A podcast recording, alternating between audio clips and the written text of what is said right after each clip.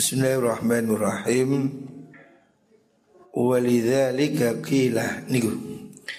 Qala al-musannif rahimahullah walidzalika lan krono mengkono-mengkono napa niku wau tijarah mahakkur rijal niku. Kila dan ucapaken Opo ida asna Nalikani muji Ala rojuli ing atasi wong lanang Sopo jironuhu tonggone rojul Apabila orang itu dipuji oleh tetangganya. Fil hadori ing dalam ono omah. Maksudnya kalau dia di rumah itu tetangganya memuji dia orang yang baik. Wa ashabu lan muji sapa pira-pira sahabate wong fis safari ing dalam pelungan. Kalau di perjalanan juga teman-temannya memuji kebaikan dia. Wa muamiluhu lan pira-pira kanca nyambut man fis safari ya, fil aswaqi ing dalam piro-piro pasar. Kalau orang itu di rumahnya baik, di perjalanan baik, dan di pasar juga baik. Maka falatasku moko ojo sambat siro fi solahi ing dalam bagusnya mengkuno rojul. Berarti orang itu betul-betul baik ya. Orang baik itu tidak bisa hanya diukur waktu di rumah. Bapak ada orang kalau di rumah itu baik. Tapi kalau di perjalanan beda kelihatan aslinya. Jadi orang kalau di situasi normal itu cenderung kelihatan ya normal. Tapi dalam perjalanan dalam keadaan capek ya, dalam keadaan ini jauh dari keluarga. Itu kadang orang berubah. Orang baik di rumah belum tentu baik di perjalanan. Makanya kalau kamu ingin lihat orang itu betul-betul baik lihat kalau dalam perjalanan. Dia baik nggak? Sholat nggak? Sabar nggak? Yang ketiga lihat kalau dia ada di pasar. Dia kalau dalam bisnis curang apa tidak? Ya. Sebab banyak orang ya mungkin ada. Kalau di rumah baik Tapi kalau di pasar Nyuri timbangan Atau me, apa, merepotkan orang. Rakus ya. Jadi ukuran kebaikan itu tidak bisa dilihat dalam satu sisi. Jangan cuma dilihat penampilannya jubahnya, tasbihnya ya. Lihat bagaimana dia mendapati urusan dunia. Kalau urusan dunia dia rakus, walaupun kelihatannya khusyuk, tapi curang ya, tidak ada gunanya ya. Jadi kesolehan itu tidak cukup hanya di masjid. Orang harus soleh di tempat kerja, di kantor ya, Sufi tidak hanya di masjid ya. Sufi itu bisa di kantoran, bisa di pasar ya. Bagaimana orang itu tetap menjadi baik meskipun tidak di masjid. Wa syahidalan nyakseni sintun ah nyakseni inda Umar ono sandingi Sayyidina Umar radhiyallahu an Sopo syahidun saksi Ada seorang saksi Di depan pengadilan Sayyidina Umar. Faqala Mongko dawu sinten mengkuno Sayyidina Umar? Itini nekana nosiron ni ing ingsun. Biman kelan wong ya arifuka kang kenal sopoman ka ing siro Fa'atahu mongko nekani sompo mengkuno syahid Hu ing Umar Biro julin kelan wong lanang. Fa'atna monggo muji sapa rajul alaihi ing atase mungkunu syahid khairan ing bagus Faqala nuli dawuh lahu mari mengkono syahid sapa Umaru Sayyidina Umar. Ada orang sedang bermasalah kasus hukum di depan Sayyidina Umar ya. Kemudian dia oleh Sayyidina Umar suruh ngajukan saksi Siapa yang menjadi saksi kamu ini jujur ya. Maka kemudian Sayyidina Umar Orang itu datang pada Sayyidina Umar dengan membawa saksi temannya yang memuji-muji dia. Artinya memuji bahwa ini orang ini betul-betul baik gitu lah. Faqala dawulahu maring mengkunu rajul sapa Umaru Sayyidina Umar. Anta ono tau sira iku jaruhu tanggane mengkunu rajul tonggone mengkono syahid. Al adna kang parek alladzi ya'rifu kang ya'rifu kang weruh sapa jar? Madkhalahu enggon mlebune mengkono syahid wa makhrajahu lan gon metune mengkono syahid. Ada orang mendatangkan saksi ditanya kamu kenal orang ini? Iya. Apa kamu tetangganya? Bukan Fakola Ucap sapa mengkono rajul kuntu. Ana ingsun iku rafiquhu koncone mengkono rajul uh, syahid niku wau fi safari dalam pelungan. Allati yastadillu kang nuduhaken sapa mengkono rafiq bihi kelawan safar ala makarimil akhlaki oh ngeten niki kuali. Faqala dawu sapa Sayyidina Umar kuntah ana to sira? Iku rafiqau konjone mengkono syahid fi safari dalam pelungan alladhi yastadilu kang nuduhaken sapa mengkono syahid bihi kan kelan mengkono safar ala makarimil akhlaki dalam ing atase bagusnya pekertine mengkono rajul. Apakah kamu tahu? Ya dia pernah pergi sama kamu dalam perjalanan dan akhlaknya terlihat baik waktu itu Faqala ngucap sapa mengkono rajul lah. Mboten. Qala dawu sapa Sayyidina Umar. Fa amal tau ana tong nyambut gawe hu ing rajul bidinari kawan dinar wa dirham lan dirham allati yastabinu kang dadi pertelo bihi kelan mengkono uh, muamalah dinar wa dirham dadi pertelo opo war urrojuli sifat wira ini wong lanang Kala ngucap sapa rajul lah mboten. Kala muga dawuh sapa Sidina Umar. Adzunnuka nyono ingsun ka ing sira. Ra'aitahu ningali sira ing mengkono rajul qaiman ing ngadeg fil masjid dalam masjid yuhamhimu haling gremeng gremeng maksudnya mendengungkan. Bil Quran iklan maca Quran yufidur ninglu akan roksahu ing sirai mengkuno mengkuno rajul tauran roksau ing mengkuno roksau ing sirai mengkuno rajul tauran ing dalam zaman setitik yarfa'u ngangkat sopo rajul hu ing mengkuno roksu faqala ngucap sopo mengkuno mengkuno rajul niku syahid niku. Naam gi qala dawu sopo Sidina Umar? Idhab budal siro falasta mongko rano siro iku ta'rifu kenal siro ing mengkono mengkono syahid. Au qala ta ngucap sapa Sayyidina Umar li rajuli maring mengkono wong lanang Fatini nakana nasirani ing ingsun biman kelang wong ya arifu kang kenal ngerti sopoman ka ing siro Artinya Sayyidina Umar menguji seseorang itu kenal dalam arti bisa menjelaskan dengan baik pada seseorang yang disebut kenal baik ya. Itu kalau dia pernah pergi bersamanya atau pernah dia berdagang dengan orang itu. Orang ini kalau cuma penampilannya di masjid itu bukan ukuran ya. Ada juga orang yang rajin di masjid tapi dagangannya nyolong.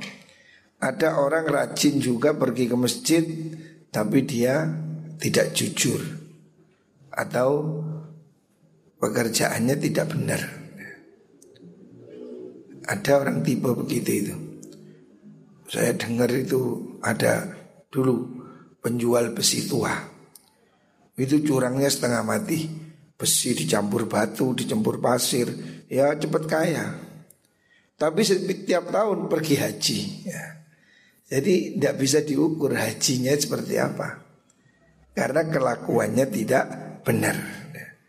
Makanya Sayyidina Umar ketika ada seorang saksi Kan harus dibuktikan saksi ini jujur apa tidak Sayyidina Umar menyuruh dia mendatangkan temannya. Siapa orang yang kenal kamu? Kenal sama kamu. Akhirnya dia datangkan orang. Ditanya Kamu kenal dia? Iya. Apakah kamu tetangganya? Bukan. Apakah kamu pernah pergi dengan dia? Sehingga kelihatan dalam pergi itu dia Baik hati, suka menolong, sabar. Dia bilang tidak Apakah kamu pernah bekerja dengan dia sehingga itu dia jujur wirai? Tidak. Maka ditolak oleh Sayyidina Umar. Berarti kamu nggak kenal. Kamu cuma lihat dia di masjid. Ya, itu bukan ukuran. Namanya mengenal orang itu akan kelihatan baik atau tidak baik. Kalau dia itu sudah di pasar, kelakuannya gimana? Jujur apa tidak? Begitu juga dalam bepergian. Orang dalam bepergian ini cenderung kelihatan sifat aslinya. Ngamuan, marah, tidak sopan ya. Karena orang kan capek, cenderung kurang kontrol. Makanya kalau kita ingin mengetahui kualitas orang itu, ya kita akan lebih tahu kalau kita pergi bersama dia. Saya bertahun-tahun mengikuti perjalanan guru saya almarhum Kiai Idris Marzuki Lirboyo. Saya tidur satu kamar dengan beliau. Jika saya melihat betul beliau itu sabar, beliau itu sangat istiqomah, apa yang baik ya. Bahwa kelihatan sekali kalau dia itu memang betul-betul baik. Sebab orang itu biasanya kalau pergi itu sudah berkurang jamaah membawanya. Di rumah jamaah. Pergi belum tentu sholat jamaah. Di rumah sabar. Dalam pergi belum tentu ya. Makanya orang naik haji itu kan selalu dipesan Supaya sabar. La rofatha Wala fusuqa Wala jidala fil hajj. Tidak boleh berkata kasar Tidak boleh bertengkar ya. Tidak boleh berbuat dosa karena biasanya orang itu dalam perjalanan itu emosinya kurang terkontrol sehingga kelihatan aslinya. Kita akan tahu sifat orang itu baik atau tidak. Itu tidak bisa diukur dengan pertemuan di masjid. Tapi lihat bagaimana dia bekerja, jujur apa tidak. Lihat kalau dia pergi, tertib apa tidak. Ya. Nah di situlah kebaikan orang. Jadi salah satu indikator seorang itu baik kalau dalam perdagangan, dalam bisnis, dalam urusan uang dia baik. Ya. Tapi kalau dalam urusan duit dia nggak jujur, dia bohong, dia curang, walaupun penampilannya seperti Siti Jenar, walaupun jenggotnya seperti kambing, ya jangan dilihat penampilannya. Lihatlah bagaimana dia berinteraksi dalam soal keuangan. Itu ukurannya. Al-Babul Khamis. Selanjutnya bab yang kelima. Dalam etika Etika muamalah Etika bekerja. Fi syafaqatir rajuli ing dalam walase wong Fi syafaqatit tajiri. Alhamdulillah. Ing dalam welase wong kang dagangan. Ala dinihi ing atase agamane tajir. Fima ing dalam perkara yahussuhu. Kang tertentu apa mahu ing tajir. Wa ya umulan umum. Apa ma nyumambrai maksudnya berlangsung akhirat tahu ing akhirate mengkono tajir. Jadi Imam Ghazali seorang sufi besar yang menghabiskan hidupnya untuk kegiatan-kegiatan rohani ya, menulis, beribadah. Beliau masih memandang penting soal etika bekerja. Sebab manusia ini tidak akan lepas dari itu. Kecuali kalau dia lahir kaya raya. Lahir sudah sultan, ya, mungkin tidak butuh. Tetapi secara umum orang ini kan mesti perlu ekonomi, perlu bekerja, perlu mencukupi kebutuhan. Hampir manusia tidak lepas dari urusan ini. Makanya oleh Imam Ghazali ini dianggap penting dalam kitab Ihya disebutkan bab khusus. Ini sampai beberapa bab. Sekarang kita, sudah masuk ke bab kelima dalam etika pedagang, etika bekerja. Bagaimana orang hendaknya menjaga agamanya. Perdagangan jangan sampai membuat orang lupa diri. Walaupun kamu bekerja, tapi ibadah jangan sampai ditinggalkan. Sebab kamu bekerja ini kan kebutuhanmu hidup tetapi kebutuhanmu hidup lagi setelah mati Ini jangan dilupakan. Makanya Imam Ghazali dalam bab kelima ini Mengingatkan tentang etika seorang pebisnis, seorang pedagang ya. Di samping dalam bekerja Dia harus baik, beritikat baik. Dia juga harus menjaga hati. Jangan hidup ini hanya ngurusi dunia tapi uruslah perjalanan hidup setelah mati. Ya. Kamu di dunia bekerja, bekerja, bekerja, punya uang, ya terus untuk apa? Nah, pikirkan. Orang sekelas Hotman Paris umpamanya itu kan sudah ada viral. Dia ingin pensiun. Dia sudah bosan dengan kemewahan perempuan. Mereka sudah menyadari bahwa hidup ini pasti berakhir. Ya. Kalau dia sadar, ingat dia memilih jalan yang baik, nah itu untung. Tetapi kalau dia tidak sadar, mabuk terus terhadap dunia, bekerja tanpa ingat waktu, tanpa ingat ibadah, ya rugilah. Karena kekayaannya toh akan dinikmati oleh orang lain. Istri dan anak-anak ahli waris, dia sendiri ke kubur tidak bawa apa-apa. Makanya dalam bab ini Imam Ghazali ingin mengingatkan Kalaupun kamu bekerja Kalaupun kamu bisnis silahkan Kamu kaya tidak dilarang. Orang Islam kaya bagus. Asalkan kekayaan itu digunakan untuk kebaikan. Yang tidak boleh itu lupa diri. Makanya dalam Al-Quran yang dikecam itu bukan kekayaan Tapi kelupaannya Allah mengatakan alhaakumut takatsur hatta zurtumul makabir. Kamu ini lupa diri, sibuk dengan kontestasi dunia. Punya satu miliar, pingin dua miliar, punya sepuluh miliar, kepingin seratus miliar, dan tidak ada habisnya. Takasur, perlombaan terus. Kamu tidak puas, kamu lupa bahwa kamu mesti akan mati. Hatta zurtumul makabir sehingga kemudian tiba-tiba kamu udah mati. Selesai sudah. Finish sudah. Di situlah kamu akan menyesal. Makanya Imam Ghazali mengingatkan di sini etika pedagang. Kamu di samping mikiri untung mikiri kerjaan silahkan. Tapi adakan waktu untuk memikir kehidupan setelah mati. Akhiratmu itu depositomu di dunia itu akan kamu tinggal. Yang ada deposito amal di akhirat. Walayam bagilan orang sayukju tidak bagus. Litajiri kedua wong kang dagang. Apa ayus gilahu yang tonungkulaken hu ing tajir apa ma'asyuhu penguripan pengupo jiwa atau pekerjaan nih menggunut tajir An ma'adihi sangkin nggon baline mengkono tajir. Jangan sampai kesibukanmu bekerja melupakan akhirat. Fayakunu mongko ono opo umruhu umure tajir iku ian sio-sio.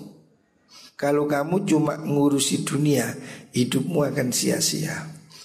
Wasof otuhulan perdagangan tajir iku khosirotan rugi. Kamu akan rugi pasti itu. Karena kekayaanmu itu akan kamu tinggal begitu saja. Belum tentu anakmu ingat kamu. Belum tentu istrimu masih mendoakan kamu.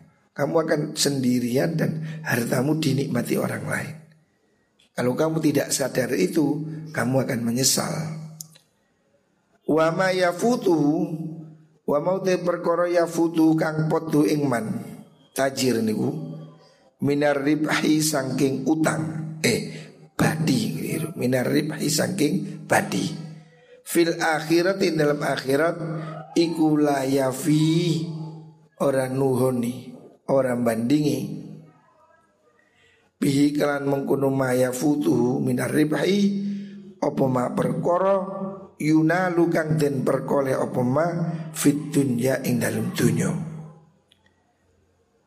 Apa yang hilang dari pahala akhirat itu tidak bisa ditukar dengan dunia seisinya ini. Taruhlah kamu kuaya sudah triliunan bukan miliaran. Toh setelah itu selesai. Saya punya teman kaya raya kena covid mati. Punya hotel, punya ini, punya itu. Mati sudah. Hartanya tidak bisa menyelamatkan nyawanya. Waktu covid itu. Ada teman saya pengusaha besar, eksportir, mati. Selesai kan? Hartanya ke mana? Tidak bisa membuat dia panjang umur. Di dunia saja tidak bisa. Apalagi menjamin dia masuk surga. Rugi. Kalau kekayaanmu tidak berfungsi ibadah, rugilah kamu di dunia. Fayakunu mongko ono sapa wong iku miman setengah sangking wong istaro kang tuku sapa man al hayat dunya ing kehidupan dunia bil akhirati kawan akhirat. Kalau kamu hanya sibuk kerja, kamu menukar dunia dengan akhirat, rugi. Pasti. Balil akilu balik utai wong kang duweni akal iku yang bagi saya ujo apa yasfika yen welas sapa mengkun akil. Ala nafsi ing atase awak ne akil wa syafqatihi lan welasi akil ala nafsi wa syafqatuhu. Utawi welasi mengkuno al akil niku ala nafsi ing atase awak dhewe al akil iku bi hifdzi ra'si malihi kelawan ngrekso pokoke dunyane wong warok sumali utai pokoke bondone wong iku dinuhu agamane wong wa tijaratu lan dagangi wong akil fihi ing dalam din ya. Orang yang cerdas menurut Imam Ghazali orang cerdas itu orang yang mikir keselamatan dirinya baik keselamatan di dunia ataupun keselamatan di akhirat. Orang dagang tentu tidak ingin bangkrut lah hidup kita modal kita itu ya agama kita ini. Kalau agama ini tidak ada, apa artinya? Ya, banyak orang lain yang lebih kaya dari kita di Amerika, di Eropa. Mereka kaya dan tidak ada artinya. Toh setelah itu mati. Michael Jackson mati. Madonna turun mati. Sing mati semua. Oh sakit lah artis mati mati mati. Toh kekayaan dia tidak menyelamatkan dia. Setelah mati selesai, ya. Ceritanya habis, hartanya juga habis. Kalau kamu tidak berpikir menabung saat ini, kamu tumpuk-tumpuk dunia itu, toh setelah kamu mati, harta itu akan dihambur-hamburkan oleh anakmu. Belum tentu anakmu bisa neruskan. Maka kalau kamu tidak nabung untuk dirimu, rugilah kamu. Qala da'u sapa ba'dus salafi sebagian ulama salaf Aulal asya utawi luwe utama wiji-wiji bil akili. Kelawan wong kang duweni akal iku ahwaju perkara kang luwe butuhaken ing ahwajuhu luwe butuhaken asya syai ilahi maring akil fil ajili ing dalam zaman saiki. Wa ahwaju syai'in utai luwih den butuhaken suwi-wiji ilahi maring akil fil ajili ing dalam mongso saiki iku ahmaduhu perkara kang luwih den pujine syai' akibatan apane pungkasane fil ajili ing dalam akhirat jadi sesuatu yang paling penting harus kamu lakukan sesuatu yang bermanfaat untuk hidupmu ini. Nah sesuatu yang bermanfaat untuk kehidupan ini adalah sesuatu yang akan bertahan sampai kamu mati. Karena kalau hartamu tidak kamu amankan sekarang, kamu cuma ngurus dunia, duit ditumpuk, ditumpuk, kamu tidak berbuat baik dengan hartamu. Kalau kamu mati terus, toh hartamu itu lepas dari kamu. Harta yang sekarang kamu jaga, kamu simpan, kamu sembunyikan Pada akhirnya kan akan lepas juga Tidak aman ya. Janganlah kamu hanya mikir hidup saat ini Cuma pikirkanlah juga hidup setelah kamu mati.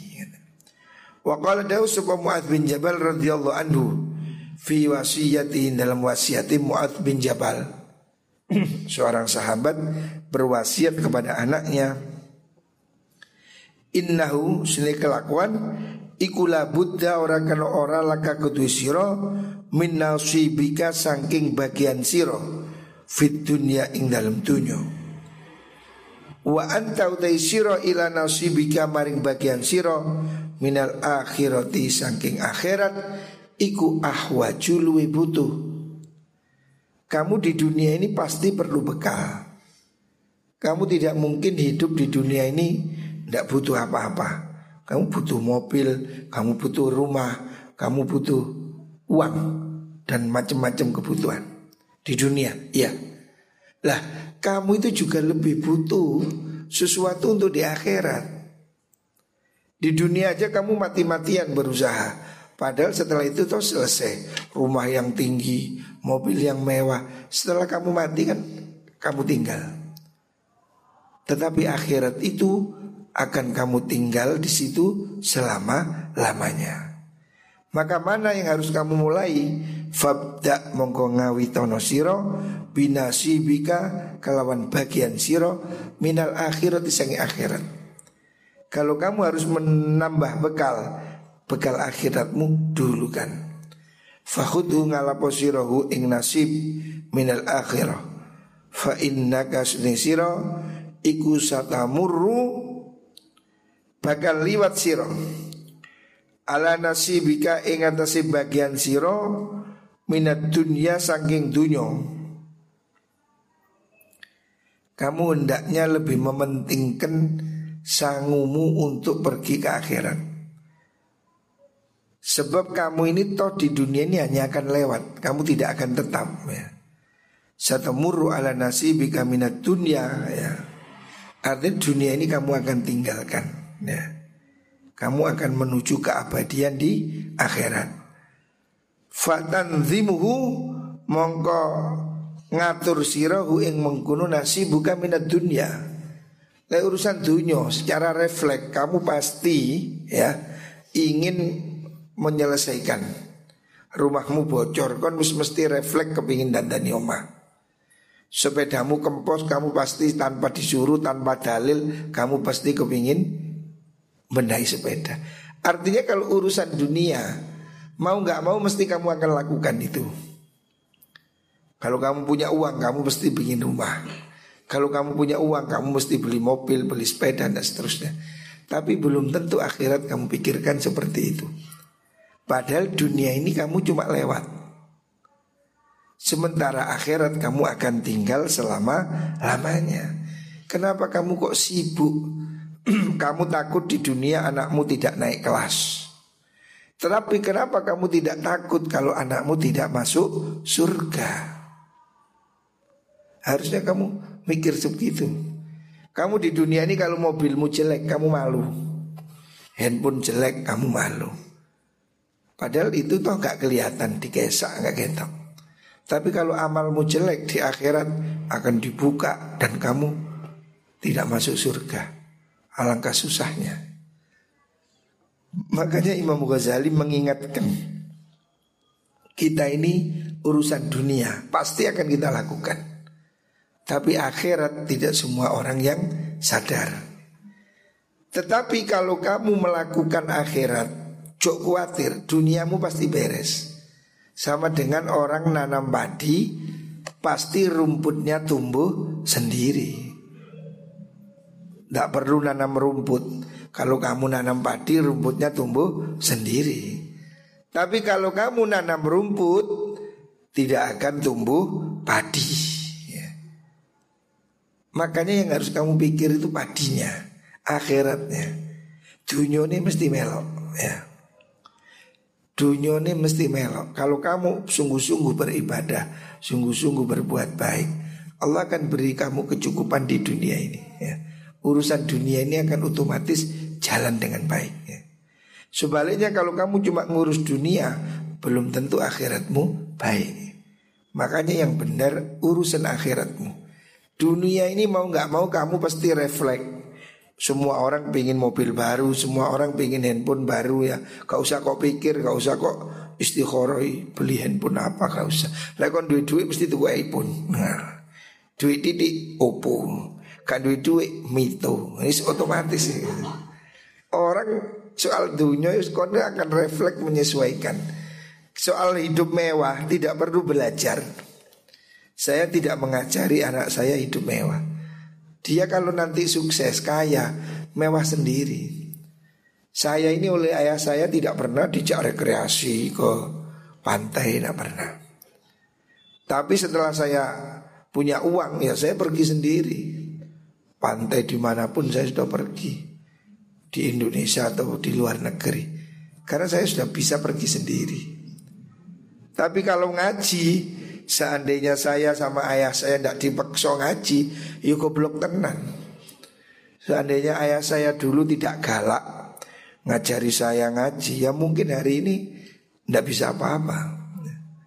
Tapi kalau soal kerja Bapak saya tidak ngajari saya kerja. Ayah saya ngirim saya mondok ke Lirboyo. Hmm? Lirboyo ini pondok yang tidak pakai celana seumur hidup. Siang malam sarungan sarungan dan tidak katoan bebas demokratis ISIS. saya tidak pernah dibelajari ekonomi, saya tidak pernah dibelajari manajemen. Tapi seiring waktu saya bisa sendiri. Karena apa? Ini kan kebutuhan hidup di dunia. Mau nggak mau saya belajar. Ya apa caranya ini? Saya dagang tebu, saya dagang cengkeh, saya pernah dagang pupuk, saya pernah dagang macam-macam ya. Perdagangan yang saya coba itu. Sampai saya berdagang di pasar modal. Tidak usah sekolah, artinya bapak saya tidak usah makso saya untuk belajar itu. Otomatis saya belajar sendiri, ya. Mungkin kebutuhan di dewek, ya urusan dunia ini kamu akan mesti mikir ya, mesti kamu pikir diri. Kamu dengan berkembang, kamu akan setelah ini kamu mulai mikir rapi. Lalu rapi kan mikir nyambut kai, mikir dua anak dan seterusnya akan pecah sendiri ya. Seiringnya waktu dan takdir Allah rezeki akan datang. Tapi kalau soal agama, soal ibadah, kamu tidak dibiasakan seumur hidup kamu tidak akan melakukan. Ya. Kalau ayah saya dulu tidak ngajari saya sholat tahajud, mungkin saya tidak pernah tahajud. Tapi ayah saya menyuruh saya tahajud, ayah saya mengajari saya sholat duha, ayah saya mengajari saya kebaikan-kebaikan. Itulah yang kemudian saya alhamdulillah merasakan kehidupan ini menjadi baik ya. Soal dunia walaupun tidak diajar oleh ayah saya Bapak saya tidak pernah ngajari saya bagaimana kamu supaya pergi ke Amerika. Saya sudah pergi ke Amerika. Ayah saya tidak pernah mengajarkan saya kamu nanti pergi ke Inggris. Saya sudah pernah tinggal dua bulan di Inggris. Jadi nggak usah diajari, saya tahu caranya. Saya sudah dua kali pergi ke Paris. Saya sudah dua kali pergi ke Spanyol. Saya sudah pergi ke Barcelona. Saya sudah pergi ke Granada, ke Eropa mulai Perancis sampai ke Swiss, sampai ke Italia. Ayah saya tidak perlu ngajari saya soal itu. Saya bisa sendiri. Ya. Soal dunia otomatis iso. Tapi kalau soal agomo tidak dipelajari, siapa yang mau pintar sendiri? Tidak bisa. Makanya Imam Ghazali mengatakan, kamu kalau harus memulai dari mana, urus agamamu. Urus akhiratmu dulu Dunia akan ikut ya. Dengan kamu jadi orang baik, soleh Kamu nanti pasti bekerja aja Bekerja dengan baik ya.